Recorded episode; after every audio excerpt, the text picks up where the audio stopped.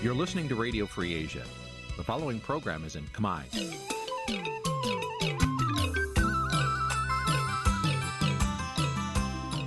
នេះជាកម្មវិធីផ្សាយ Vuthu Azizi Serai នេះជាកម្មវិធីផ្សាយរបស់ Vuthu Azizi Serai ជាភាសាខ្មែរ Vuthu Azizi Serai សូមស្វាគមន៍លោកអ្នកនាងទាំងអស់ពីរដ្ឋធានី Washington នៃសហរដ្ឋអាមេរិក។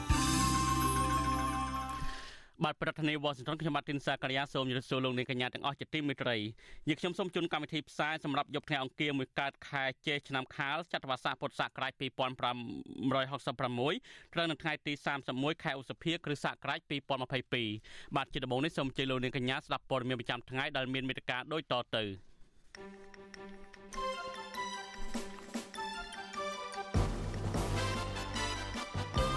អ្នកខ្លោមើលបញ្ហាព្រំដែននៅក្រៅប្រទេសលោកអៀចនាត្រូវបានអាជ្ញាធរចាប់ខ្លួនក្រោយចូលរួមឃោសនាជាមួយបាក់ភ្លើងទៀនគណៈបកនយោបាយនិងសង្គមស៊ីវិលថាសាររបស់លោកសខេងគ្មានប្រសិទ្ធភាពរឿងបង្កប់ឲ្យអាជ្ញាធរគម្រើសអើងនយោបាយកម្មករជាង5ជាង400នាក់នៅខេត្តប្រសិទ្ធអនុបន្តតវ៉ាទាមទារឲ្យថកែជនជាតិចិនបើកប្រាក់ឈ្នួល។ បាទវេទិកាបាទវេទិកាអ្នកស្ដាប់អសិរ័យនៅយប់នេះនឹងជជែកអំពីតំណាងគណៈបកប្រជាជនកម្ពុជានិងគណៈបកភ្លើងទៀនជជែកអំពីគោលនយោបាយសម្រាប់ការបោះឆ្នោតឃុំសង្កាត់រួមនឹងព័ត៌មានផ្សេងផ្សេងមួយចំនួនទៀតបាទលោកនាងជាទីមិត្តរីជាបន្តទៅនេះខ្ញុំបាទសូមជូនព័ត៌មានពុស្ដាអ្នកខ្លោមើលពីបញ្ហាព្រំដែននិងសកម្មជនគណៈបកភ្លើងទៀន នៅក្រៅប្រទេសលោកអៀចន្ទាត្រូវបានសមត្ថកិច្ចនៃរដ្ឋាភិបាលលោកហ៊ុនសែនចាប់ខ្លួននៅពេលលោកទៅប្រទេសកម្ពុជាចូលរួមហែបាក់ភ្លើងទៀនតុលាការក្រុងភ្នំពេញចាប់ប្រកាន់សកម្មជនគណបកប្រឆាំងរូបនេះពីបទរួមគណិតពីបទរួមគណិតក្បត់កាលពីឆ្នាំ2020ទោះជាយ៉ាងណាមន្ត្រីសង្គមស៊ីវិលថាការចាប់ខ្លួននិងការចាប់ប្រកាន់នេះមានចរិតនយោបាយនិងជាការអនុវត្តច្បាប់ស្តង់ដារ2បាទប្រធានាធិបតី Washington លោកយុនសាមៀនរាយការណ៍ព័ត៌មាននេះ អ្នកឃ្លាំមើលសង្គមនិងមន្ត្រីគណៈបកប្រឆាំងរិះគន់ថាការចាប់ខ្លួនលោកអៀចាណាជារឿងបំផិតបំភ័យមិនឲ្យយុវជនចូលរួមជាមួយគណៈបកភ្លើងទៀនការលើកឡើងនេះធ្វើឡើងក្រោយពេលដែលតុលាការក្រុងភ្នំពេញបង្គាប់ឲ្យសមត្ថកិច្ចឃុំខ្លួនលោកអៀចាណាដាក់ពន្ធនាគារជាបណ្ដោះអាសន្នរងចាំសវនាការសកម្មជនគណៈបកភ្លើងទៀនប្រចាំខេត្តតាកែវលោកជាសុជីតាប្រាប់វិទ្យុអាស៊ីសេរីថាសមត្ថកិច្ចបានចាប់ខ្លួនលោកអៀចាណា នៅផ្សារទំនើបអ៊ីអន2រាជធានីភ្នំពេញនៅពេលលោកទៅធ្វើលិខិតឆ្លងដែនកាលពីថ្ងៃទី30ខែឧសភាលោកបន្តថាមុនពេលចាប់ខ្លួននេះលោកអៀចាណាបានទូរស័ព្ទប្រាប់សាច់ញាតិថាមានជនស៊ីវិល4ទៅ5នាក់បានឃ្លាំមើលរូបលោកលោកបន្តទៀតថាក្រោយពេលផ្ដាល់ដំណឹងរួចសាច់ញាតិមិនអាចតាក់ទងលោកអៀចាណាបានទៀតទេ មុនចាប់ខ្លួនប្រហែលជាណែជាប់ហ៊ានគាត់បាក់បោព្រៀងគាត់គាត់ទៅស្រុកគាត់គាត់ជួយហែគណៈបាក់នៅតាមភូមិឃុំគាត់រស់នៅហ្នឹងផងហើយទៅចិត្តភូមិឃុំចិត្តចិត្តហ្នឹងផងបាទហែធំថ្ងៃ24ហ្នឹងគេឡាយទៅឃើញគាត់ទៅមានគេតាមទៅនៅអ៊ីអនគាត់គាត់ខលទៅខ្ញុំដែរតែស្ដាប់វាច្បាស់ស្រាប់បាត់ខ្លួនពីហ្នឹងមករហូតប៉ុន្តែមុនចាប់ខ្លួនហ្នឹងគាត់បានខលទៅបងប្អូនគាត់ដែរថាមានគេតាមគាត់ហើយ លោកអៀចាណាជាអ្នកឃ្លាំមើលបញ្ហាព្រំដែននិងតំណាងយុវជនគណៈបកសង្គ្រោះជាតិនៅប្រទេសណ័រវេមន្ត្រីគណៈបកប្រឆាំងដែលស្និទ្ធនឹងលោកអៀចាណាបានឲ្យដឹងថាលោកបានទៅដល់ប្រទេសកម្ពុជាប្រមាណមួយសប្តាហ៍តែប៉ុណ្ណោះ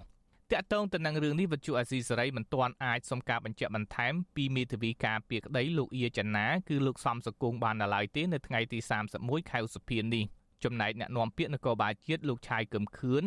អ្នកនាំពាក្យក្រសួងមហាផ្ទៃលោកខៀវសុភ័ក្រ និងអ្នកនាំពាក្យអគ្គនាយកដ្ឋានអន្តោប្រវេសន៍លោកកៅវ៉ាន់ថនក៏មិនអាចសុំការបំភ្លឺបានដែរដោយឡែកអ្នកនាំពាក្យប៉ូលីសក្រុងភ្នំពេញលោកសានសុកសីហាបានឲ្យវត្ថុអាស៊ីសេរីដឹងថាលោកមិនបានដឹងពីករណីចាប់ខ្លួនលោកអៀចាណានោះទេលោកបន្តថាតាមនីតិវិធីគឺមានសមត្ថកិច្ចជាច្រើនស្ថាប័នដែលមានសិទ្ធិចាប់ខ្លួនមុខសញ្ញាណាមួយដែលពួកគេតាមដាន។ អឺចំពោះស្នងការឋាននគរបាលភ្នំពេញគឺសមត្ថកិច្ចជំនាញយើងគឺអត់មានបានផុតទេខាងស្នងការរាជភ្នំពេញអញ្ចឹងខាងណាក៏យើងអត់ដឹងដែរព្រោះតែចំពោះខាងស្នងការរាជភ្នំពេញគឺយើងអត់អត់មានបានផុតទេទោះបីជាយ៉ាងណាចៅក្រមស៊ើបសួរនៃសាលាដំបងរាជធានីភ្នំពេញលោកសិនសវណ្ណរតបានចេញដីកាបង្គាប់ឲ្យចាប់ខ្លួនលោកអៀចាណាទៅដាក់ពន្ធនាគារព្រៃសរម1ដីកាចុះថ្ងៃទី30ខែឧសភាបានចោទប្រកាន់លោកអៀចាណា ពីបទរួមគំនិតក្បត់ប្រព្រឹត្តនៅកម្ពុជា និងទីកន្លែងផ្សេងទៀតកាលពីឆ្នាំ2020និងពេលបន្តបន្ទាប់តាមមាត្រា453នៃក្រមព្រហ្មទណ្ឌមេដឹកនាំសហជីពនិងជាសកម្មជនឃ្លាំមើលបញ្ហាព្រំដែនលោករងឈុនដែលធ្លាប់ធ្វើការងារព្រំដែនជាមួយលោកអៀចាណាដែរនោះលោកបានទៅឃ្លាំមើលនៅមុខសាលាដំបងរាជធានីភ្នំពេញទោះបីជាយ៉ាងណាលោករងឈុនមិនបានទទួលព័ត៌មានជាក់លាក់ នៃការបញ្ជូនខ្លួនលោកអៀចាណានៅឡើយទេគិតមកដល់រសៀលថ្ងៃដដែលនេះលោករងឈុនហៅការចាប់ខ្លួនក្នុងអំឡុងពេលឃោសនាបោះឆ្នោតបែបនេះថាធ្វើឲ្យប៉ះពាល់ដល់ដំណើរការនៃការបោះឆ្នោតនាពេលខាងមុខលោកស្នើទៅអាជ្ញាធរឬរដ្ឋាភិបាលឲ្យបើកលំហសេរីភាពដល់ពលរដ្ឋក្នុងការចូលរួមក្នុងសកម្មភាពនយោបាយ ហើយអត់មានទោសកំហុសអីមិនគួរឲ្យចាប់ឲ្យបែរជាចាប់ហើយនឹងវាជាការគម្រាមកំហែងមួយធ្ងន់ធ្ងរហើយអាការបោះឆ្នោតហ្នឹងវាមិនមានន័យខ្លឹមសារទេវាមិនចាត់ទុកថាសេរីត្រឹមត្រូវឲ្យយុត្តិធម៌នោះទេបាទអញ្ចឹងគួរតែបង្កើតបរិយាកាសឲ្យល្អប្រសើរហើយបើកលំហមិនថាបណាបណាទេឲ្យវាស្មើភាពគ្នាស្រដៀងគ្នានេះដែរមន្ត្រីជាន់ខ្ពស់គណៈបកសង្គ្រោះជាតិលោកឌួងចន្ទ្រា រិះគន់ថាការចាប់ខ្លួនលោកអៀចាណានេះមានចរិតនយោបាយច្រើនជាងការអនុវត្តច្បាប់លោកសង្កេតឃើញថាត្បិតពីមុនមកលោកអៀចាណាជាសកម្មជនគណៈបកសង្គ្រោះជាតិប៉ុន្តែសកម្មជនរូបនេះមិនបានជាប់បំរាមនយោបាយឬត្រូវតឡាការចេញដីកាចោតប្រកាន់នោះដែរ អឺតាំងពិតទៅបើយើងសង្កេតទៅលើលោកអៀចនាបើសិនជាគាត់ជាប់បណ្ដឹងដូចជារូបខ្ញុំអីជាដើមគឺមិនហ៊ានចូលទៅប្រទេសកម្ពុជាទេអញ្ចឹងទេគាត់គ្មានបណ្ដឹងអ្វីទាំងអស់អញ្ចឹងហើយគាត់ចូលទៅកម្ពុជានេះគឺដើម្បីគ្រាន់តែការគ្រប់គ្រងលើកទឹកចិត្តដល់ប្រជាប្រដ្ឋខ្មែរឲ្យចូលរួមការបោះឆ្នោតនៅថ្ងៃទី5មិថុនាខាងមុខនេះតែប៉ុណ្ណោះអ្នកនាំពាក្យសមាគមការពារសិទ្ធិមនុស្សអាត6លោកសង្សានករណាសង្កេតឃើញថាលោកអៀចាណា បានប្រើប្រាស់សិទ្ធិរបស់ខ្លួនតាក់ទងរឿងនយោបាយនាពេលកន្លងមក ក្នុងនាមជាពលរដ្ឋរស់នៅប្រទេសប្រជាធិបតេយ្យលោកបន្តថានៅរយៈពេលចុងក្រោយនេះមានយុវជនមួយចំនួននៅក្រៅប្រទេសដែលធ្លាប់រិះគន់រដ្ឋាភិបាល បានចូលមកប្រទេសកម្ពុជា ក្នុងនោះយុវជនដែលបដូរពីរិះគន់រដ្ឋាភិបាល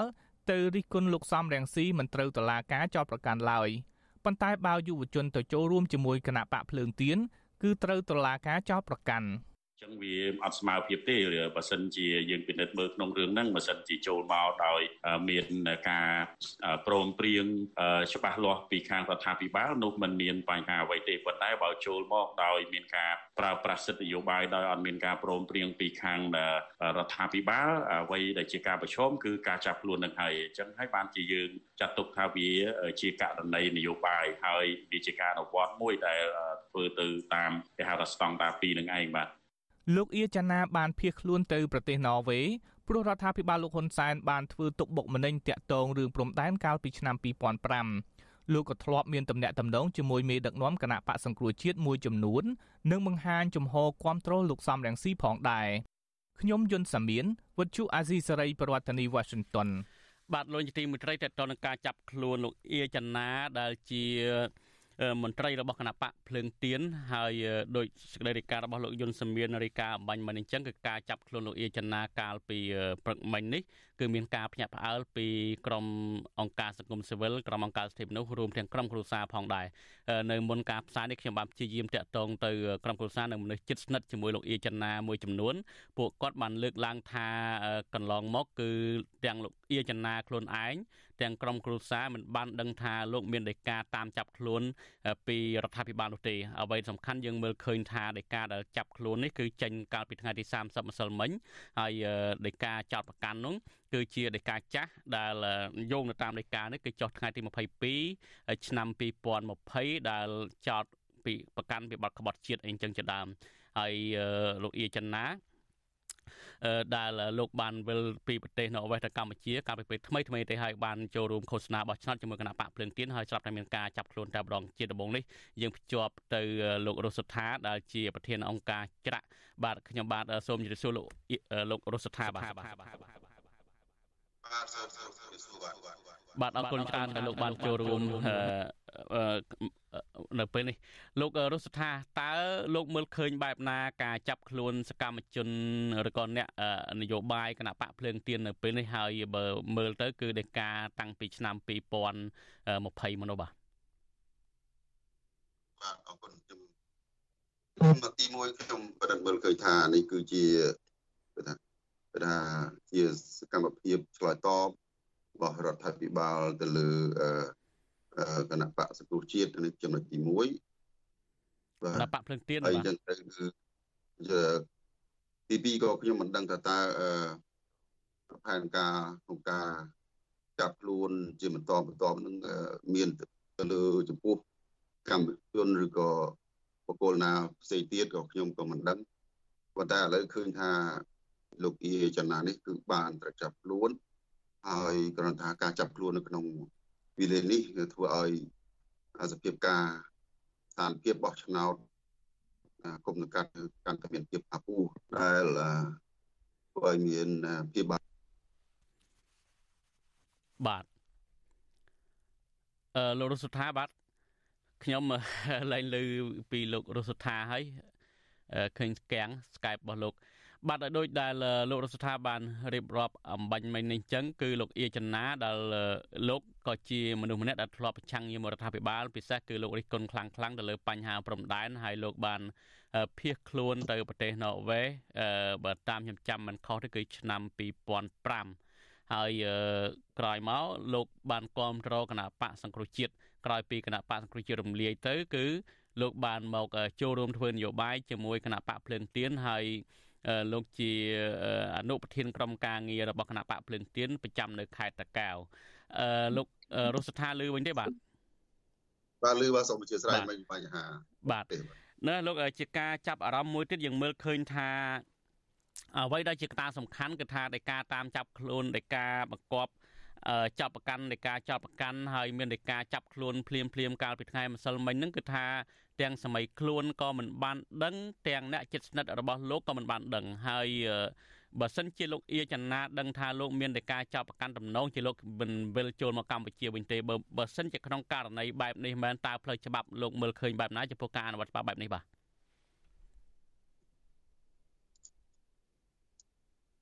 បាទនេះគឺថាចំពោះក្នុងស្ថានភាពបែបនេះគឺថាការអនុវត្តច្បាប់នេះគឺថាធ្វើឲ្យមានការប៉ះពាល់ទៅលើសិទ្ធិសេរីភាពរបស់ជាពលរដ្ឋដែលដោយសារថា ទីការនេះធ្វើពីព្រាមដោយមិនបានឲ្យសបៃជនបានដឹងខ្លួនបាទសូមបាទហើយបញ្ហាមួយទៀតអឺ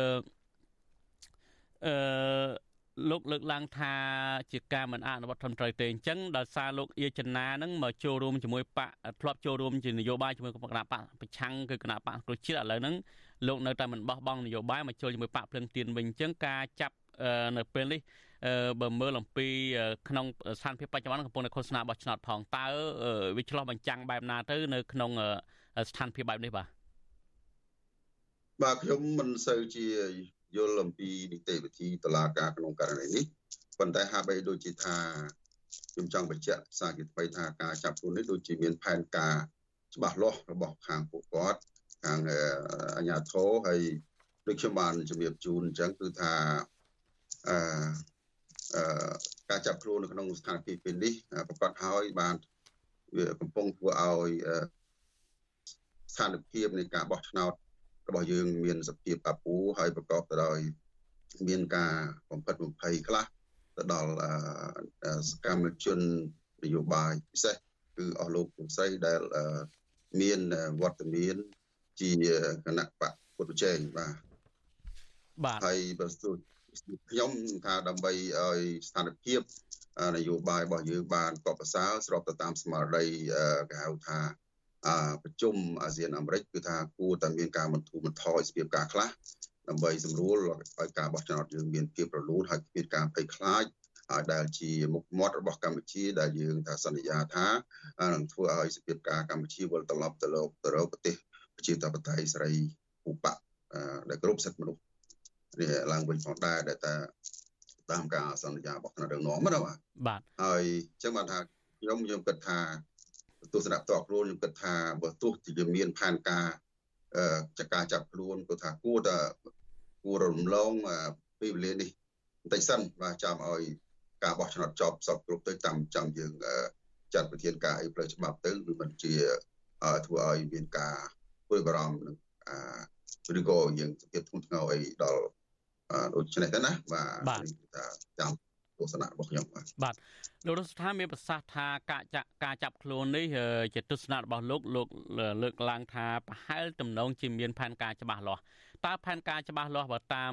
លោកមើលទៅផែនការច្បាស់លាស់ហ្នឹងផែនការយ៉ាងម៉េចខ្លះទៅបាទអ្វីជាផែនការច្បាស់លាស់របស់រដ្ឋាភិបាលនោះបាទ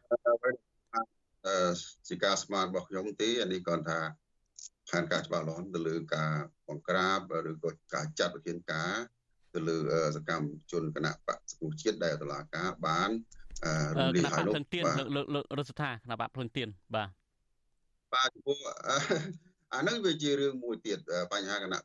បកភ្លឹងទៀនដូចខ្ញុំធ្លាប់បានដូចជាសាធារណជនឬក៏អ្នកសិទ្ធិមនុស្សក៏ដូចជាអ្នកខ្លំមើលនៅស្ពីបការនយោបាយកម្ពុជាគឺថាអឺមកដល់ពេលនេះគឺថាគណៈ បកភ្លើងទៀនដូចជាចេះតែមានគេថាការបំផិតបំភ័យការសាកសួរនិងការចាប់ខ្លួនជាបន្តបន្តអាហ្នឹងវាជាគេថាជាសញ្ញាមិនល្អដែរចំពោះដែលគេហៅថាដែលការលូតលាស់ឬក៏ការប្រព្រឹត្តទៅ នៃគណៈបកភ្លើងទៀនក្នុងគេហៅថាស្ថានភាពបោះឆ្នោតរបស់យើងនេះបាទ លោករស់ថាបើសិនជាក្នុងស្ថានភាពដោយដែលលោកមានប្រសាសន៍ថាការចាប់ខ្លួននេះគឺមានផែនការច្បាស់លាស់តើវាចំណេញទេសម្រាប់គណៈរដ្ឋាភិបាលឬក៏គណៈបកប្រជាជនកម្ពុជាចំពោះការចាប់ខ្លួនការបង្ក្រាបនៅក្នុងពេលដែលគណៈបកដៃគូប្រកួតចូលរួមប្រកួតជាមួយគ្នានៅថ្ងៃទី5មិថុនាខាងមុខនេះបាទបាទក្នុងនាមខ្ញុំជាអង្គការអភិជាក្រិតហើយដែលខ្ញុំបានស្ដាប់ឮទាំងសងខាងទាំងទាំងខាងក្នុងខាងក្រៅគឺថាធ្វើឲ្យមិនចំណេញទេ បាទទី1គឺថាធ្វើឲ្យប្រជាពលរដ្ឋកាន់តែពិសេសគឺថាអស់លោកបងប្អូនដែលជាអ្នកគ្រប់គ្រងគណៈបកប្រកួតប្រជែងហ្នឹងគឺទាំងព្រឹកទៀនទាំងគណៈអតីតគណៈបកសង្គ្រោះជាតិគឺមិនសบายចិត្តទេគឺធ្វើឲ្យកំផឹងគាត់គឺថាការមិនសบายចិត្តកាន់តែខ្លាំងឡើងហើយមិនដឹងថាឌីក្រេហ្នឹងវាប៉ុណ្ណាក៏វាមិនដឹងដែរប៉ុន្តែថាការដែលគាត់មិនសบายចិត្តវាមានច្រើនហើយ ទី1ទី2គឺថាសហគមន៍អន្តរជាតិប្រទេសជាមិត្តរបស់យើងដែលគ្រប់គ្រងនៅការបដិបដាលអឺចុងផ្ដើមនៅលទ្ធិប្រជាធិបតេយ្យសេរីភូបកសិទ្ធិមនុស្សនេះកាន់តែមានការអឺវិតម្លៃអឺទៅថាចុះក្រោមថាទៅទៀតទៅថាទៅថាលោកមិនមិនសង្ឃឹមថាដែលសភាពការសិទ្ធិមនុស្សប្រជាធិបតេយ្យរបស់យើងគឺថាប្រសើរឡើង ដូច្នេះទៅការដែលពិនិត្យឃើញដូច្នេះគឺថាធ្វើឲ្យมันមានការចំណេញអីដល់ប្រមុខដឹកនាំរបស់យើងឬរដ្ឋាភិបាលរបស់យើងទេដោយសារថារូបភាពនេះវាធ្វើឲ្យមានជាគេថា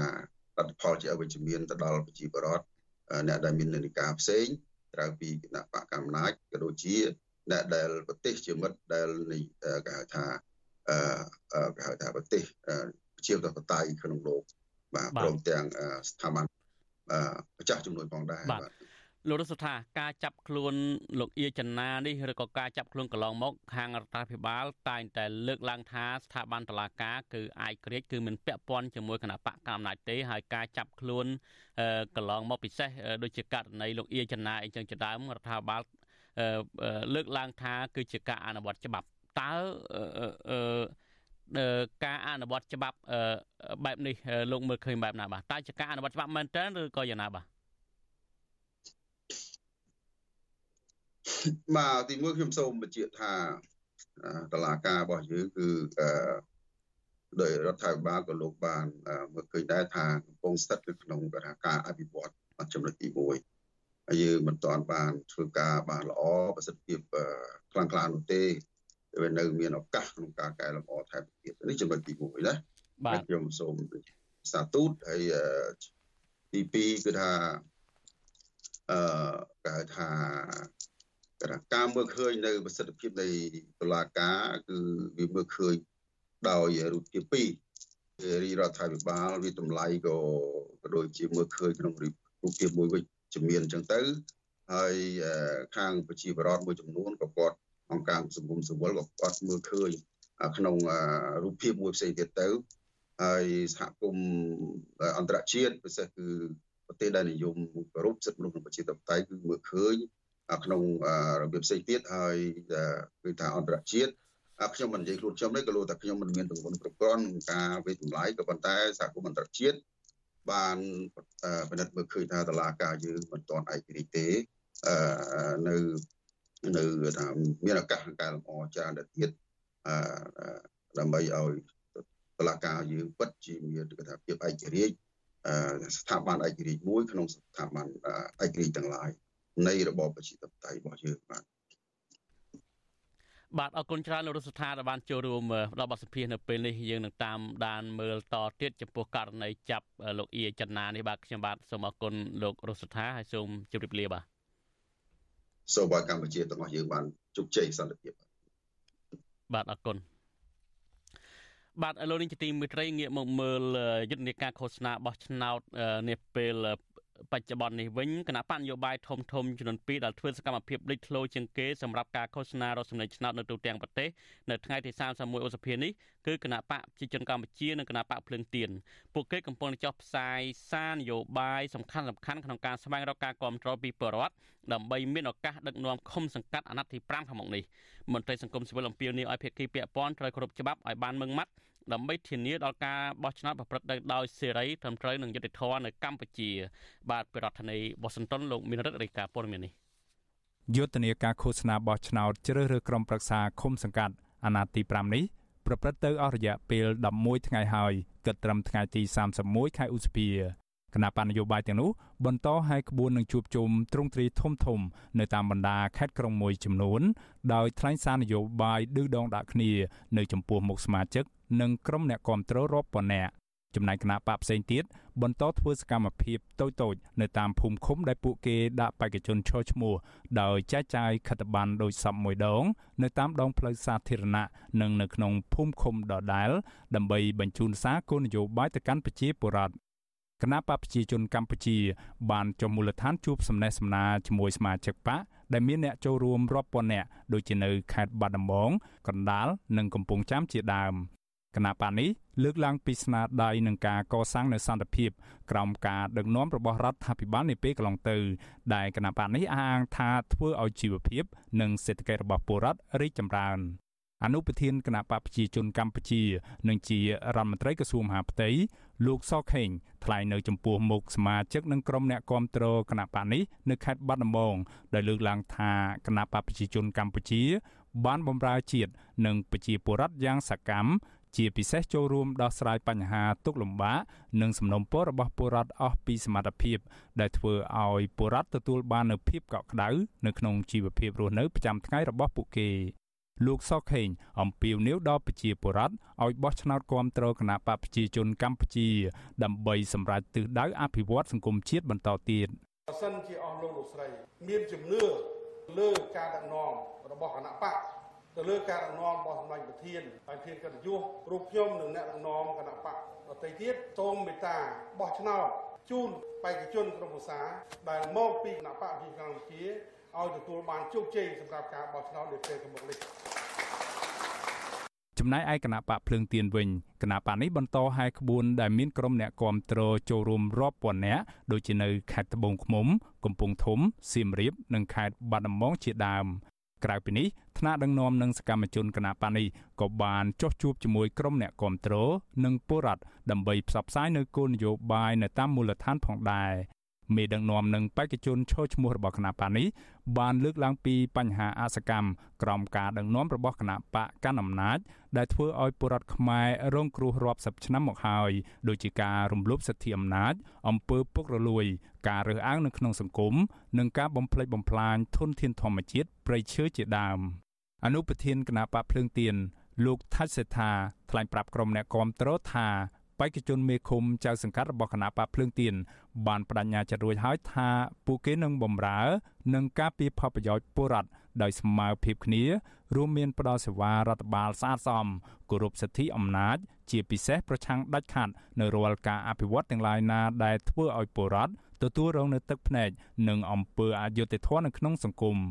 លោកអំពីវនីវឲ្យបុរដ្ឋទៅបោះឆ្នោតឲ្យគណៈបកភ្លើងទៀននៅថ្ងៃទី5ខែមិថុនាឆ្នាំនេះដើម្បីឲ្យពួកគេមានឱកាសបម្រើបុរដ្ឋពិតប្រាកដក្នុងការដឹកនាំបែបពុកកលួយបាក់ពួកនិយមមុននឹងក្រោយគង់ទៅដល់យើងទេដូច្នេះដើម្បីការពារកម្មសិទ្ធិដីធ្លីបងប្អូនការពារសិទ្ធិសេរីភាពរបស់បងប្អូនបងប្អូនសូមឲ្យបោះឆ្នោតគណៈបកភ្លើងទៀនមេឃុំចៅសង្កាត់មកពីគណៈបកភ្លើងទៀនដាច់ញ៉ាដាច់ខាតនៅជាមួយប្រជាពលរដ្ឋមិននៅជាមួយឈ្មួញជាដាច់ខាត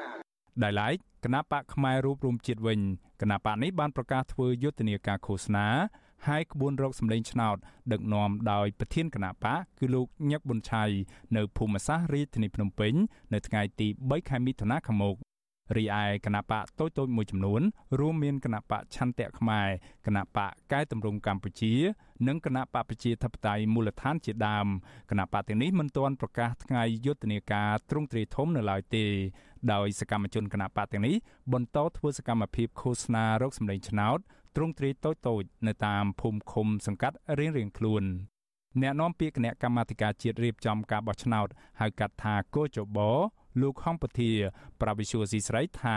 គិតត្រឹមល្ងាចថ្ងៃទី31ខែឧសភាគណៈកម្មការឃុំសង្កាត់រៀបចំការបោះឆ្នោតនៅទូទាំងប្រទេសបានទទួលពាក្យបណ្ដឹងសរុបចំនួន45ករណី លោកបន្តថាបណ្ដឹងភាកច្រើនមកពីគណៈបកប្រជាជនកម្ពុជា និងគណៈបកភ្លើងទៀននៅរាជធានីភ្នំពេញដោយប្តឹងសុំឲ្យផ្ដន្ទាទោសតាក់ទងទៅនឹងការប្រើប្រាស់ពាក្យពេចន៍រំលោភលើគណៈបកផ្សេងទៀតការអនុវត្តទូនាទីអាជ្ញាធរនៅក្នុងមុខតំណែងជាដើមទូយ៉ាងណាលោកអះអាងថាដំណើរការឃោសនារបស់គណៈបញ្ញយោបាយនៅថ្ងៃទី11នេះប្រព្រឹត្តទៅដោយមានសន្តិសុខសុវត្ថិភាពនិងសណ្ដាប់ធ្នាប់ល្អព្រមទាំងគ្មានអំពើហិង្សានោះទេ ទីទី11នេះការឃោសនាប្រព្រឹត្តប្រកដីណាគណៈបកនយោបាយមិនសូវជាផលខុសក្នុងការដង្ហែក្បួនទេនោះការធ្វើសកម្មភាពចាក់នេះគូតាមទីនការហើយនឹងចែកតាមផ្ទះជាប្រវត្តិគេឃើញថាគណៈបកនយោបាយលើកជាការជួបនឹងប្រវត្តិជុំវិញរឿងនេះនាយកប្រតិបត្តិអង្គការឃ្លាំមើលការបោះឆ្នោតនៅកម្ពុជាហៅកាត់ថា Netflix លោកសំគុណធីមី សង្កេតឃើញថាដំណើរការយុទ្ធនាការឃោសនាបោះឆ្នោតនៅតាមបណ្ដាខេត្តក្រុងនារយៈពេលប្រមាណថ្ងៃមកនេះគណៈបកកណ្ដាលអំណាចនិងគណៈបកភ្លើងទៀនហាក់ប្រឈមមុខដាក់គ្នាដោយសារតែការប្រកួតប្រជែងពីប្រជាប្រិយភាព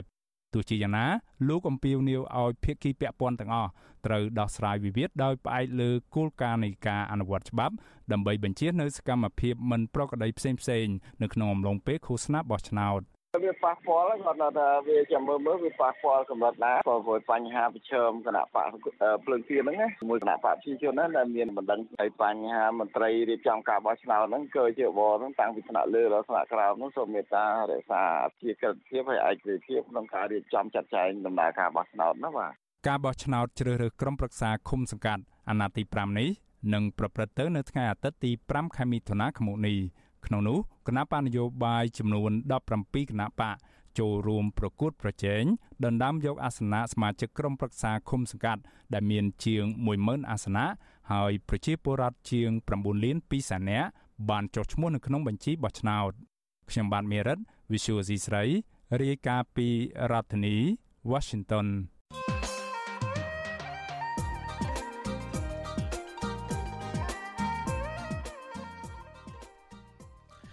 បាទលោកជាទីវិត្រីគណៈបកនយោបាយ2ដែលបានដាក់បេក្ខជនចូលឈ្មោះក្រុមប្រឹក្សាឃុំសង្កាត់ប្រហាក់ប្រហែលគ្នាគឺគណៈបកប្រជាជនកម្ពុជានិងគណៈបកភ្លើងទៀន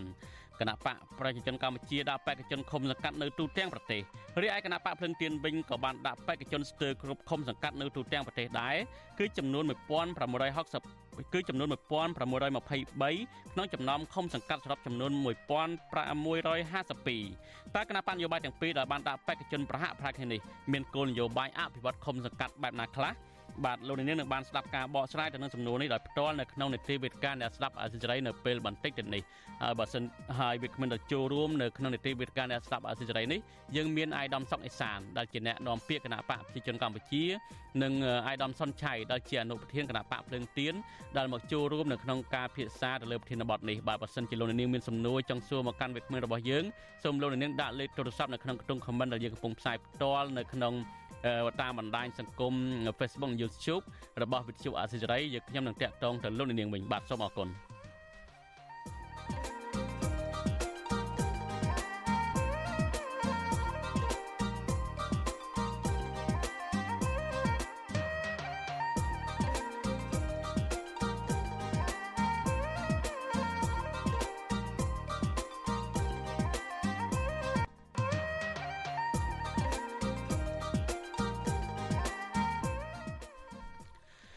បបាទលោកនេះបាទលោកទីមេត្រីនៅខេត្តត្បូងឃ្មុំឯនោះវិញប្រពម្នាក់នៅឃុំកណ្ដាលជ្រុំស្រុកពញាក្រាចខេត្តត្បូងឃ្មុំចោតអាជ្ញាធរថាបានដកបានក្រីក្រលោកក្រោយពីខ្លួនគាំទ្រគណៈបកភ្លើងទៀនបរដ្ឋលើកឡើងថានេះជាការគម្រិតកំហែងនឹងការរើសអើងនយោបាយ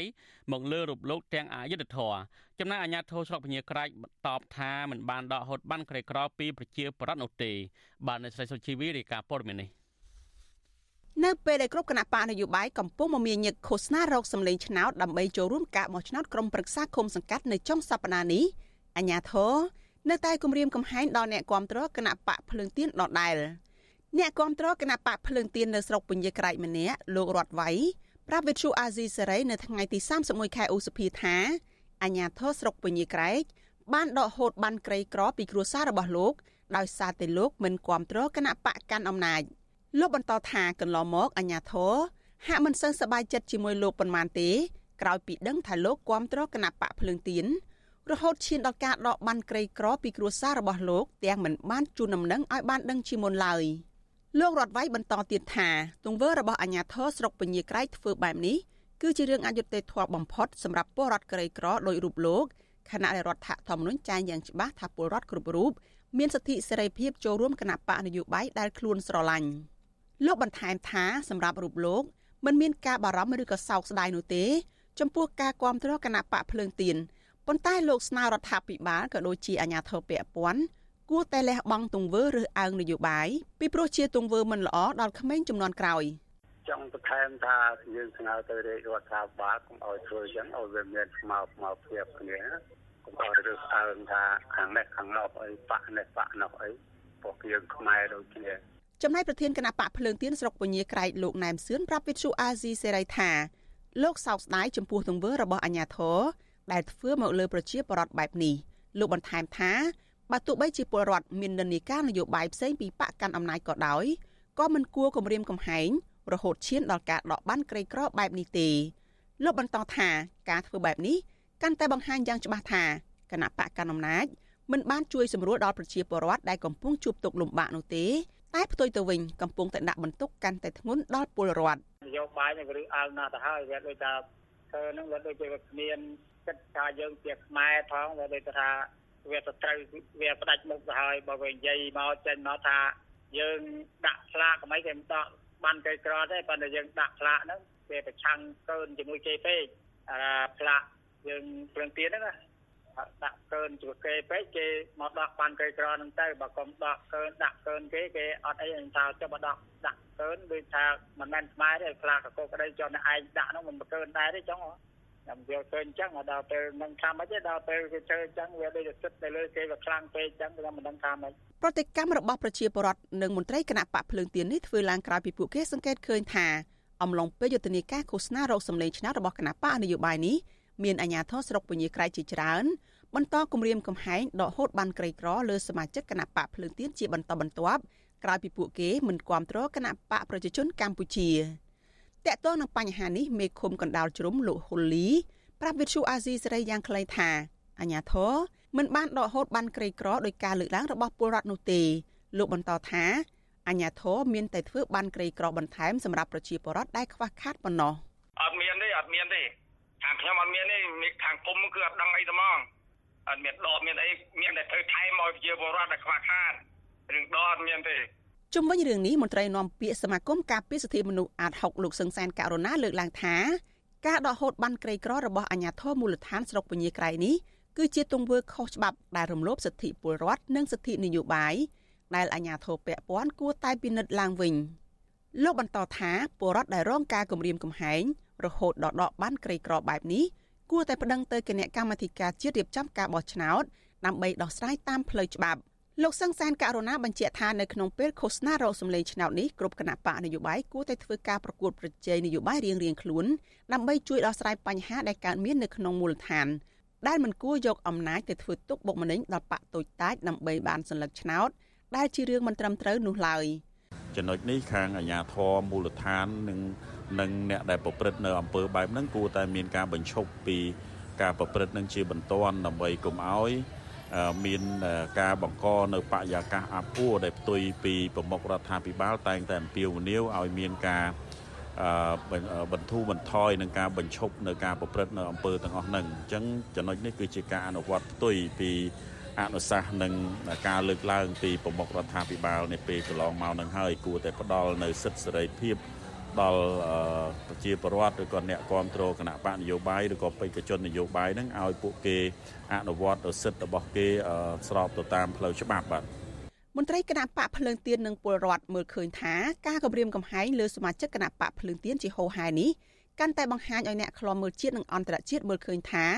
កម្ពុជាកំពុងឆ្ពោះទៅរកការធ្លាក់ចុះសេរីភាពនៃការចូលរួមនយោបាយនោះកាន់តែខ្លាំងនាងខ្ញុំសូជីវីវិទ្យុអាស៊ីសេរី ពីរដ្ឋធានី Washington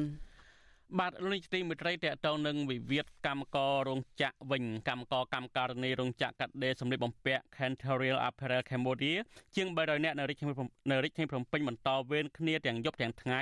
ដើម្បីដេកយាមសម្ភារៈនៅខាងមុខរោងចក្រអស់រយៈពេលជាង1ខែមកហើយដោយសារតែថៅកែរោងចក្រមួយនេះ បានរត់ចោលកម្មករទាំងមិនបានដោះស្រាយប្រាក់ឈ្នួលជូនពួកគាត់ក្រុមកម្មករក៏បានបន្តដាក់ញត្តិទៅកាន់ក្រសួងការងារនៅព្រឹកថ្ងៃទី31ឧសភានេះទៀតដើម្បីសុំពន្លឿននីតិវិធីដោះស្រាយវិវាទការងារនេះឲ្យបានឆាប់ពួកគាត់រិះគន់ថាក្រសួងការងារហាក់មិនមានឆន្ទៈពិតប្រាកដដើម្បីរកយុត្តិធម៌ជូនពួកគាត់នោះទេដែលធ្វើឲ្យកម្មកររាប់រយនាក់ប្រឈមនឹងបញ្ហាជីវភាពគ្រួសារនិងបញ្ហាជំពាក់បំណុលធនាគារវិទ្យុអាស៊ីសេរីមិនអាចតាក់ទងแนะនាំពាក្យក្រសួងការងារលោកហេងសួរដើម្បីសួរអំពីបញ្ហានេះបានទេនៅថ្ងៃទី31ឧសភា កម្មការនីម្នាក់លោកស្រីហ៊ឿនអៀមប្រាប់វិទ្យុអាស៊ីសេរីនៅថ្ងៃអង្គារនេះថាចាប់តាំងពីក្រុមថកែរោងចក្រ Cantorian Imperial Cambodia បានលាឈប់ពីការងារកាលពីចុងខែមេសាក្រុមកម្មករបាននាំគ្នាដើរថ្មើរជើងពីផ្លូវវែងឆ្វេងដើម្បីដាក់ញត្តិទៅកាន់ក្រសួងការងារចំនួន3ដងមកហើយប៉ុន្តែមកទល់ពេលនេះលោកស្រីថាក្រសួងការងារហាក់មិនបានខ្វល់ខ្វាយក្នុងការជំរុញឲ្យក្រុមថកែទាំងនេះចេញមុខមកទទួលខុសត្រូវលើបញ្ហាប្រាក់ឈ្នួលកម្មករនោះទេ លោកស្រីបារម្ភថាវិវាទការងារនេះបន្តអស់មិនឡាយពេលទៀតក្រុមកម្មករនឹងមិនអាចទៅរកការងារថ្មីបាននៅកន្លែងថ្មីបានឡើយលោកស្រីបញ្ជាក់ថាកម្មករមួយចំនួនទៀតក៏គ្មានប្រាក់ឈ្នួលបង់ធនាគារប្រចាំខែដែលធ្វើឲ្យពួកគាត់ប្រឈមនឹងការរឹបអូសទ្រព្យសម្បត្តិពីសំណាក់ម្ចាស់បំណុល។ កម្មករដេកនៅយាមនៅក្នុងរោងចក្ររហូតបិទទ្វារចោលនឹងក៏គ្មានគិតគូរឲ្យយើងថាដូចថាទុកយើងចោលហ្មងមានគិតយើងថាកម្មករចាស់ពីមុនមកអីដល់ពេលអញ្ចឹងខ្ញុំពិបាកប៉ះពាល់ជាច្រើនណាមួយថ្លៃផ្ទះដល់ឲ្យអង្គការក៏អង្គឲ្យកូនរៀនទៀតដល់ពេលអញ្ចឹងខ្ញុំមិនដឹងដោះស្រាយវិធីម៉េចបើខាងក្រសួងការងារហៅកោះហៅហើយភាគីម្ខាងទៀតអត់ព្រមចូលមកជួបខ្ញុំជាកម្មករផងអញ្ចឹងអត់មានអញ្ចឹងយើងប្រឈមនឹងការពាក់លុយអង្គការហ្នឹងយើងប្រឈមមុខគេនឹងពមៀនយើងហើយយើងអត់មានលុយឲ្យគេគេបើយើងមួយខែទៀតអត់មានទេគេនឹងអាចរត់អូសទ្រព្យសម្បត្តិយើងយើងមានដីគេយកដីយើងមានផ្ទះគេយកផ្ទះទៅបាទលោកស្រីហឿនអៀមបន្ថែមថាភាគីថកែមិនចរចាជាមួយកម្មករនោះទេហើយក្រសួងការងារក៏បានជំរុញឲ្យថកែទាំងនោះមកទទួលខុសត្រូវតាមផ្លូវច្បាប់ដែរ លោកស្រីឲ្យដឹងថាបើភាគីថកែគ្មានការទទួលខុសត្រូវបែបនេះក្រសួងការងារបានជំរុញឲ្យកម្មករបន្តនីតិវិធីតាមផ្លូវតុលាការវិញក្រុមកម្មករថាក្រោយពីនយោជកបានដាក់ពាក្យលាឈប់ពីការងារនៅរោងចក្រ Cantorian Imperial Cambodia ក្រុមថកែទាំងនោះបានចូលបម្រើការងារនៅសាខាថ្មីស្ថិតនៅសង្កាត់ស្ថិតនៅក្នុងសង្កាត់ទួលពងរគឺក្រុមហ៊ុន Quality Textile ដោយមិនបានខ្វល់ពីការងារដោះស្រាយប្រាក់ឈ្នួលកាក់ជូនកម្មករនៅឡើយ ក្រុមកម្មករថាកន្លងមកក្រុមហ៊ុនមួយនេះបានរំលោភសិទ្ធិកម្មករជាច្រើនក្នុងនោះថកែបានបង្ខំឲ្យកម្មករធ្វើការច្រើនម៉ោងទាំងមិនបានបើកប្រាក់ឈ្នួលជូនកម្មករ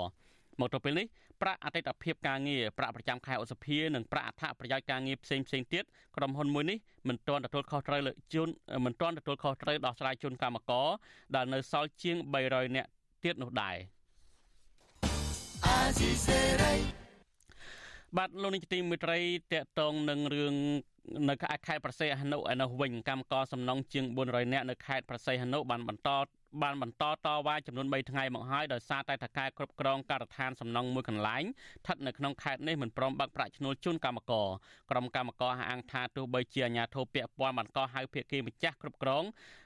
មកចរចាយ៉ាងណាក្តីក៏តកែដែលជាជនជាតិចិនទាំងនេះមិនព្រមដោះស្រាយជូន មិនព្រមដោះស្រាយប្រាក់ឈ្នួលជូនកម្មករនោះទេបាទសូមលោកនាងរងចាំស្ដាប់សេចក្តីរាយការណ៍នេះពឹស្ដានៅក្នុងកម្មវិធីផ្សាយរបស់យើងនាព្រឹកស្អែក បាទលោកនេះជាទីមេត្រីមន្ត្រីសង្គមស៊ីវិលមើលឃើញថាការសម្រេចព្យួរសិទ្ធិបោះឆ្នោតរបស់មន្ត្រីកោជបទាំង9រូបនឹងគ្មានអត្តពលជាវិជ្ជមានដល់សុខភាពនិងយុត្តិធម៌ក្នុងដំណើរការរៀបចំការបោះឆ្នោតឃុំសង្កាត់នោះឡើយប៉ុន្តែមន្ត្រីជាន់ខ្ពស់កោជបអង្គថាការព្យួរសិទ្ធិនេះដើម្បីបង្ហាញពីចំហអព្យាក្រឹតស្របតាមរដ្ឋធម្មនុញ្ញនិងច្បាប់បោះឆ្នោតបាទសូមលោកនាងរងចាំស្ដាប់សេចក្តីរាយការណ៍នេះនៅក្នុងកម្មវិធីផ្សាយរបស់យើងនៅព្រឹកស្អែកដែរបាទលោកនេះជាទីមេត្រីងាកមករឿងការចាប់ខ្លួន មន្ត្រីរបស់គណៈបកភ្លើងទៀននេះវិញគឺអ្នកខ្លោមើលពីបញ្ហាព្រំដែននិងសកម្មជនគណៈបក ភ្លើងទៀននៅក្រៅប្រទេសលោកអៀចាណាត្រូវបានសមត្ថកិច្ចនៃរដ្ឋាភិបាលលហ៊ុនសែនចាប់ខ្លួននៅពេលលោកទៅប្រទេសកម្ពុជាចូលរួមជាមួយហែបកជាមួយបកភ្លើងទៀនតុលាការក្រុងភ្នំពេញបានចាប់ប្រកាន់សកម្មជនបកប្រឆាំងរូបនេះពីបករួមគណិតក្បត់កាលពីឆ្នាំ2020ទោះជាយ៉ាងណាមន្ត្រីសង្គមស៊ីវិលថាការចាប់ខ្លួននិងការចាប់ប្រកាន់នេះមានចរិតនយោបាយនិងជាការអនុវត្តច្បាប់ស្តង់ដារ2បាទសូមលោកនាងស្ដាប់សេចក្តីរាយការណ៍របស់លោកយុនសំមានអំពីបញ្ហានេះបាទ អ្នកឃ្លាំមើលសង្គមនិងមន្ត្រីគណៈបកប្រឆាំងរិះគន់ថាការចាប់ខ្លួនលោកអៀចាណាជារឿងបំផិតបំភ័យមិនឲ្យយុវជនចូលរួមជាមួយគណៈបកភ្លើងទៀនការលើកឡើងនេះធ្វើឡើងក្រោយពេលដែលតុលាការក្រុងភ្នំពេញបង្គាប់ឲ្យសមត្ថកិច្ចឃុំខ្លួនលោកអៀចាណាដាក់ពន្ធនាគារជាបណ្ដោះអាសន្នរងចាំសវនាការសកម្មជនគណៈបកភ្លើងទៀនប្រចាំខេត្តតាកែវលោកជាសុជីតាប្រាប់វិទ្យុអាស៊ីសេរីថាសមត្ថកិច្ចបានចាប់ខ្លួនលោកអៀចាណានៅផ្សារទំនើបអ៊ីអន2រាជធានីភ្នំពេញនៅពេលលោកទៅធ្វើលិខិតឆ្លងដែនកាលពីថ្ងៃទី30ខែឧសភាលោកបន្តថាមុនពេលចាប់ខ្លួននេះលោកអៀចាណាបានទូរស័ព្ទប្រាប់សាច់ញាតិថាមានជនស៊ីវិល4ទៅ5នាក់បានឃ្លាំមើលរូបលោកលោកបន្តទៀតថាក្រោយពេលផ្ដាល់ដំណឹងរួចសាច់ញាតិមិនអាចតាក់ទងលោកអៀចាណាបានទៀតទេ មុនចាប់ខ្លួនប្រហែលជាណែជាប់ហ៊ានគាត់បាក់បាល់ព្រៀងគាត់គាត់ទៅស្រុកស្វាគាត់ជួយហែ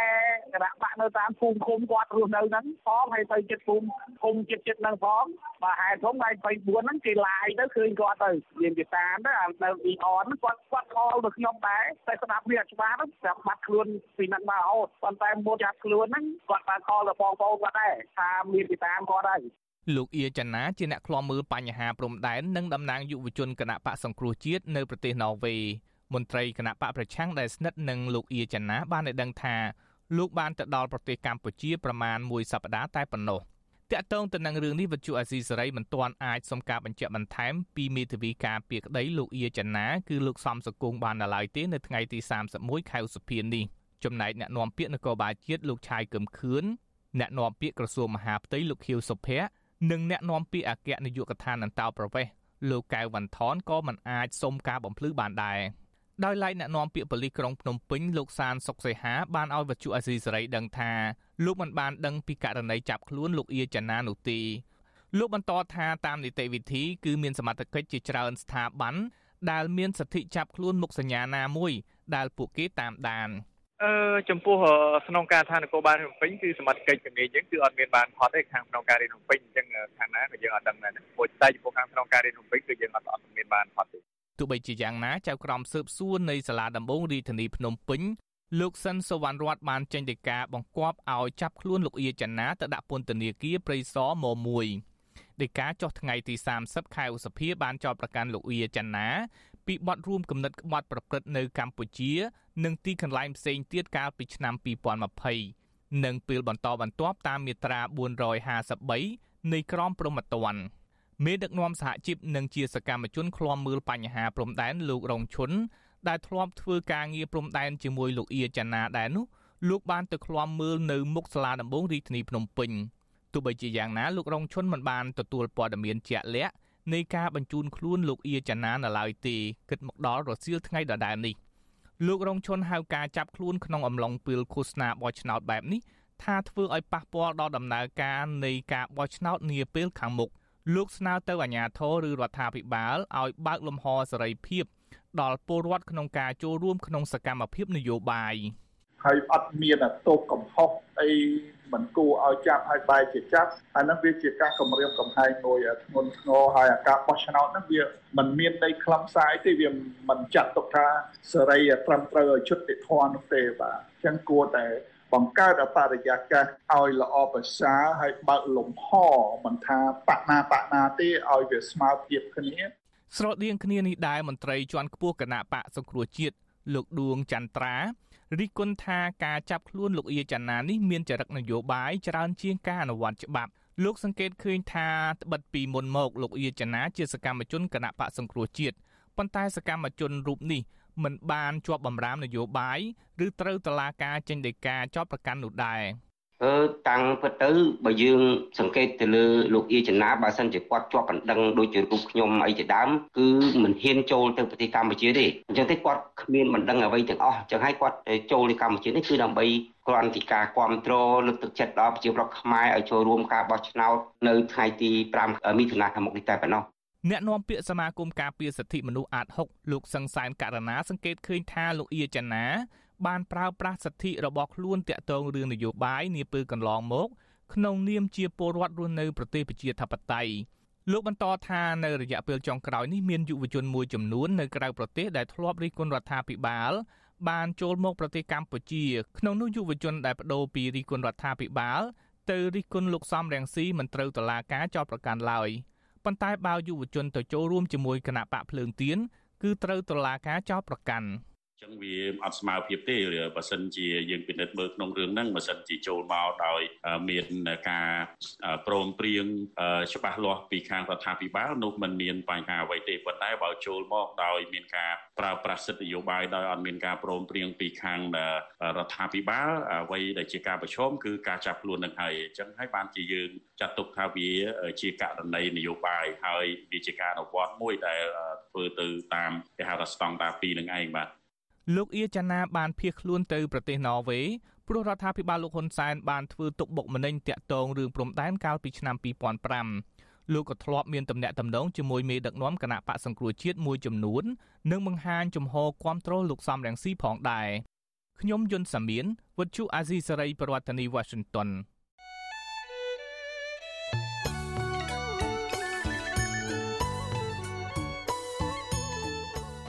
បាទលោកនាយកទីមេត្រីកម្មវិធីផ្សាយរបស់វិទ្យុអសិរ័យផ្សាយដំណើរគ្នាតាមរលកធាតុអាកាស Clay ឬ Shortwave ដូចតទៅពេលព្រឹកចាប់ពីម៉ោង5កន្លះដល់ម៉ោង6កន្លះតាមរយៈរលកធាតុអាកាស Clay 12140 kHz ស្មើនឹងកម្ពស់ 25m និង13715 kHz ស្មើនឹងកម្ពស់ 22m ពេលយប់ចាប់ពីម៉ោង7កន្លះដល់ម៉ោង8កន្លះតាមរយៈរលកធាតុអាកាស Clay 9960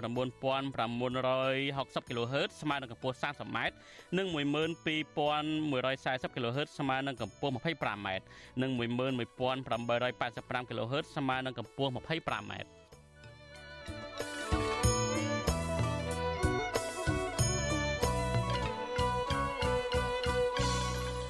បាទលោកនាយកទីមេត្រីមន្ត្រីសង្គមស៊ីវិលមើលឃើញថាការសម្រេចព្យួរសិទ្ធិបោះឆ្នោតរបស់មន្ត្រីជាន់ខ្ពស់កោជប9រូបនឹងគ្មានអត្តពលជាវិជ្ជមានសម្រាប់ការអនុវត្តជាទូទៅក្នុងដំណើរការរៀបចំការបោះឆ្នោតឃុំសង្កាត់ឲ្យមានប្រសិទ្ធភាព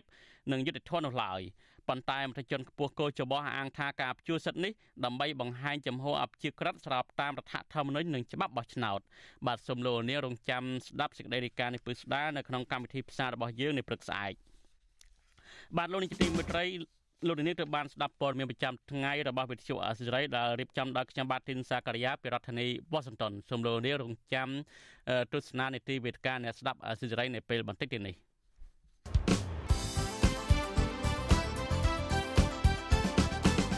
បាទលោកនាយកទីមេត្រីជាបន្តទៅនេះគឺជានីតិវេទិកាអ្នកស្ដាប់អាស៊ីសេរី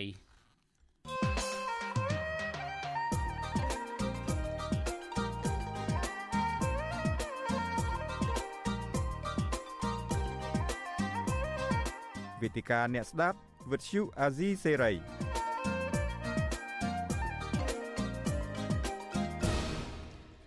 បាទខ្ញុំបាទ បាទខ្ញុំបាទទីនសាក្រាសូមជម្រាបសួរលោកនាងចិត្តថ្មីម្ដងទៀតនីតិវិទ្យាអ្នកស្ដាប់អសិរ័យយើងនៅពេលនេះយើងនឹងជជែកអំពីគណៈបកនយោបាយ2ដែលដាក់បេក្ខជនឃុំសង្កាត់បានច្រើនជាងគេគឺនៅគ្រប់ទូទាំងប្រទេសគឺគណៈបកប្រជាជនកម្ពុជាហើយនិងគណៈបកភ្លើងទៀនដែលដាក់បេក្ខជនស្ទើរតែគ្រប់ទូទាំងប្រទេសដែរ បាទហើយវិក្កាមិនដែលមកចូលរួមពិភាក្សាជាមួយយើងនៅពេលនេះគឺយើងមានអាយដាមសុកអេសានដែលជាអ្នកនាំពាក្យគណៈបកប្រជាជនកម្ពុជាហើយនិងអាយដាមសុនឆៃដែលជាអនុប្រធានគណៈបកភ្លឹងទៀនខ្ញុំបាទសូមជម្រាបសួរអាយដាមទាំងពីរបាទបាទសូមជម្រាបសួរបាទអាយដាមសុនឆៃលើខ្ញុំទេបាទខ្ញុំមិនទាន់ឮពីអាយដាមសុនឆៃទេ បាទខ្ញុំអត់ទាន់លើសុំអាយដាមបើកបើកបើកម៉ៃបើកមយុទ្ធបើកសំឡេងវិញបាទខាងខ្ញុំមយុទ្ធបាទសុំចុចកន្លែងសំឡេងនៅមិនលឺទេអាដាមសុំចុចកន្លែងអឺរូប microphone បើកដើម្បីបើកមយុទ្ធវិញបាទបាទបាទលោកនាងទីមេត្រីដោយតែលោកនាងបានដឹងហើយគណៈបកនយោបាយកំពុងតែស្រាក់ស្រាក់ស្រាំចូលរួមឃោសនាបោះឆ្នោតរកសម្លេងគាំទ្រពីប្រជាពលរដ្ឋ ដែលការបោះឆ្នោតឃុំសង្កាត់នឹងនឹងចាប់ផ្ដើមនៅថ្ងៃទី5មិថុនាខាងមុខហើយគណៈបកប្រជាជនកម្ពុជាដែលជាគណៈបកលេចធ្លោជាងគេ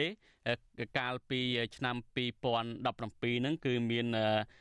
ដែលមានក្រុមប្រឹក្សាឃុំសង្កាត់ទាំងអស់ជាង6000នាក់ដែលបោះឆ្នោតកាលពីឆ្នាំ2017ហើយកាលពីឆ្នាំ2017គឺមានគណៈបកសង្គ្រោះជាតិ ដែលមានបេក្ខជនឃុំសង្កាត់ជាង1000នាក់ដែរហើយបានឈ្នះជាមេឃុំនឹងជិត500ប៉ុន្តែ ត្រូវបានរដ្ឋាភិបាលរំលាយហើយគណៈបកប្រជាជនកម្ពុជា បានក្រសោបយកទូនាទីរបស់គណៈបកសង្គ្រោះជាតិទាំងអស់កាលពីឆ្នាំ2017ដោយឡែកនៅឆ្នាំ2022នេះវិញយើងឃើញថាមានគណៈបកភ្លើងទៀនដែលជាគណៈបកដែលបានដាក់បេក្ខជនប្រហាក់ប្រហែលគ្នាដែរជាមួយគណៈបកប្រជាជនកម្ពុជានៅក្នុងការប្រកួតប្រជែងបោះឆ្នោតនៅថ្ងៃទី5មិថុនាខាងមុខនេះបាទអាជីពដំបងនេះខ្ញុំបាទសូមជម្រាបសួរអាយដាម សុកអេសានដែលជាអ្នកនាំពាក្យគណៈបកប្រជាជនកម្ពុជាសូមឲ្យដល់វាតម្លៃទៅលើលក្ខណៈការការចូលរួមឃោសនាបោះឆ្នោតរយៈពេលមួយរយៈកន្លងមកនេះតើស្ថានភាពឲ្យដល់វាតម្លៃបែបណាចំពោះការឃោសនាបោះឆ្នោតរបស់សូមចេញបាទសូមអរគុណចំពោះសភាពការដំណើរការឃោសនាយុទ្ធនាការឃោសនាបោះឆ្នោតឆ្ពោះទៅរកការបោះឆ្នោតនាថ្ងៃទី5 ខែមិថុនានេះខ្ញុំក៏សម្គាល់ឃើញថាដំណើរការដោយរលូនដោយសន្តិវិធីមិនមានអំពើហិង្សាមិនមានបាតុវិតកម្មរវាងគណៈបកនិងគណៈបកទេហើយតាមការវាយតម្លៃរបស់ខ្ញុំខ្ញុំយល់ឃើញថាគណៈបកនយោបាយ17ដែលចូលរួមប្រគួតប្រជែងក្នុងការបោះឆ្នោតនេះ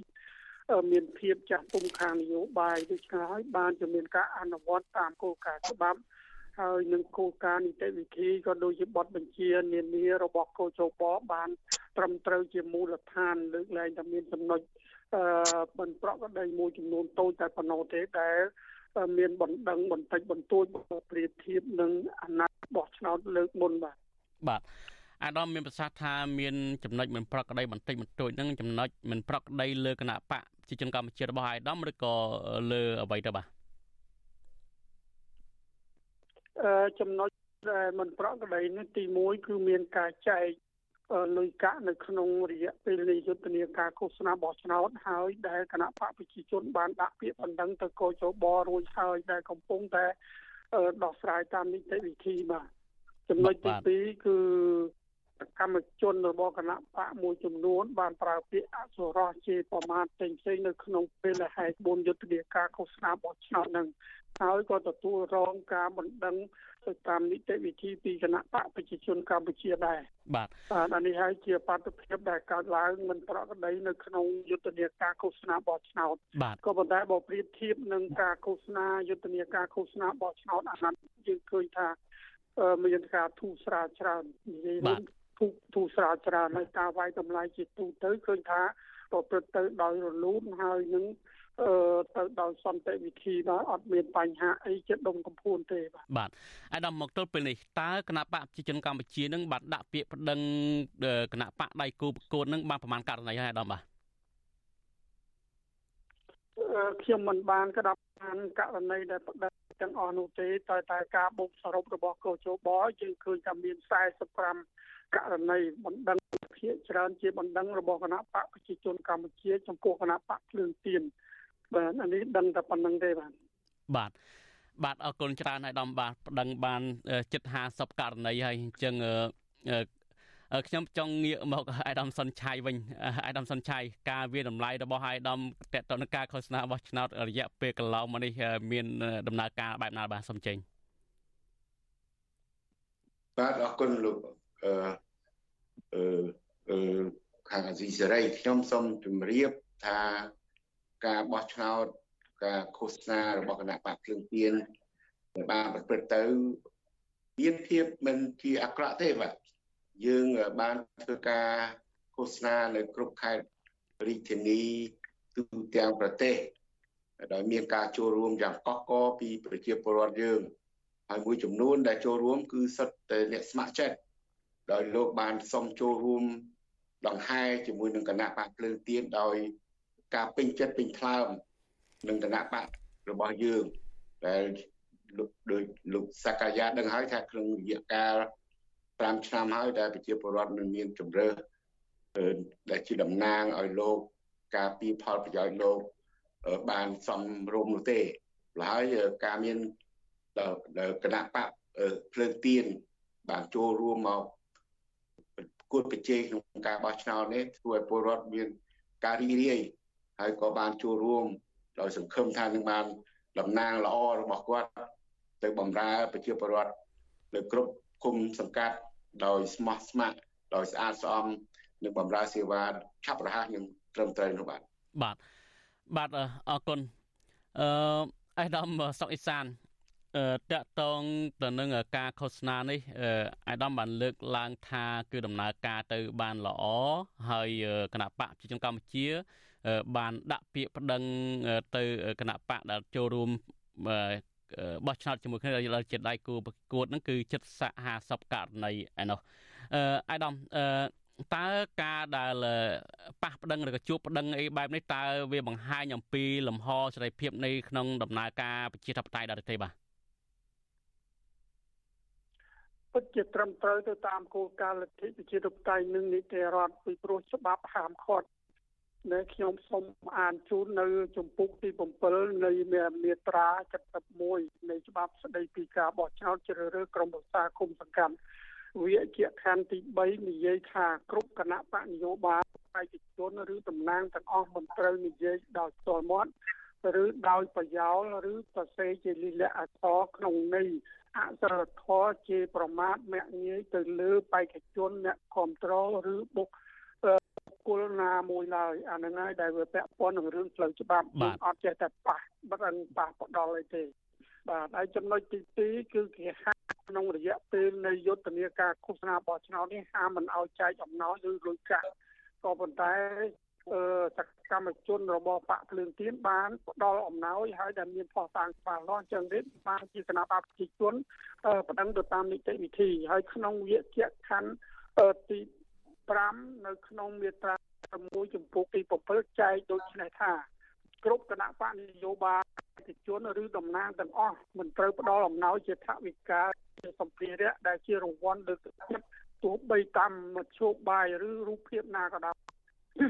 ដើម្បីក្នុងការទឹកចិត្តនិងគោលបំណងទិញទឹកចិត្តអ្នកបោះឆ្នោតអាហ្នឹងដែលវាពាក់ព័ន្ធនឹងរឿងផ្លូវច្បាប់នេះយើងយើងយើងមិនចង់ ក៏បរិយាកាសពិបាកទេឲ្យអាប់អួរនៅក្នុងយុទ្ធនាការឃោសនាបោះឆ្នោតទេតែបើសិនណាជាមានអំពើល្មើសច្បាប់ល្មើសគោលការណ៍នីតិវិធីបទបញ្ជារបស់កោជបយើងត្រូវតែត្រូវតែទៀមទាឲ្យមានការអនុវត្តច្បាប់ឲ្យបានត្រឹមត្រូវបានអញ្ចឹងទេការដាក់ពាក្យប្តឹងនេះមិនមែនគុំគួនដោយប្រការណាមួយឬមួយក៏ធ្វើអ្វីដោយលោកស៊ីណាការិយាមិញថាប៉ះប្តឹងប៉ះផ្ដាល់អីអត់មានទេ បើគ្មានទោសបើគ្មានអំពើប្រព្រឹត្តល្មើសច្បាប់ទេគណៈបព្វជិជនអត់ដែលប្តឹងទេបាទបាទអរគុណច្រើនលោកនាយកទីមេត្រីលោកនាងដែលកំពុងតែស្ដាប់ការផ្សាយរបស់វិទ្យុអសិរ័យតាមវិទ្យុឬក៏ Software នឹងនឹងមិនលើការផ្សាយរបស់យើងទៀតទេ ចាប់ពីម៉ោង8កន្លះនេះទៅហើយសម្រាប់លោកនេះដែលកំពុងតែទស្សនាការផ្សាយរបស់យើងតាម Facebook YouTube សូមបន្តទស្សនាជាមួយយើងខ្ញុំបន្តទៀតដែលយើងនឹងផ្សាយដល់ម៉ោង9យប់នេះហើយប្រធានបទដែលយើងកំពុងតែជជែកគ្នានេះតើតើគោលនយោបាយរបស់គណៈបកប្រជាជនកម្ពុជានិងគណៈបកភ្លើងទៀនក្នុងការអភិវឌ្ឍខុបសង្កាត់នឹងបែបណាខ្លះបាទអាយដាមខ្ញុំនឹងងាកទៅអាយដាមសុនឆៃបន្តិចសូមចាំបន្តិចខ្ញុំបន្តសំណួរទៅអាយដាមអឺ សុកអេសានបន្ថែមទៀតអាយដាមតើចំនួន48ករណីនេះគណៈបកប្រជាជនកម្ពុជាបានប្តឹងទៅគណៈបកណាចរន្តគេបាទសួរខ្ញុំអីបាទបាទសួរអាដាមសុកអេសានបាទសំចេញ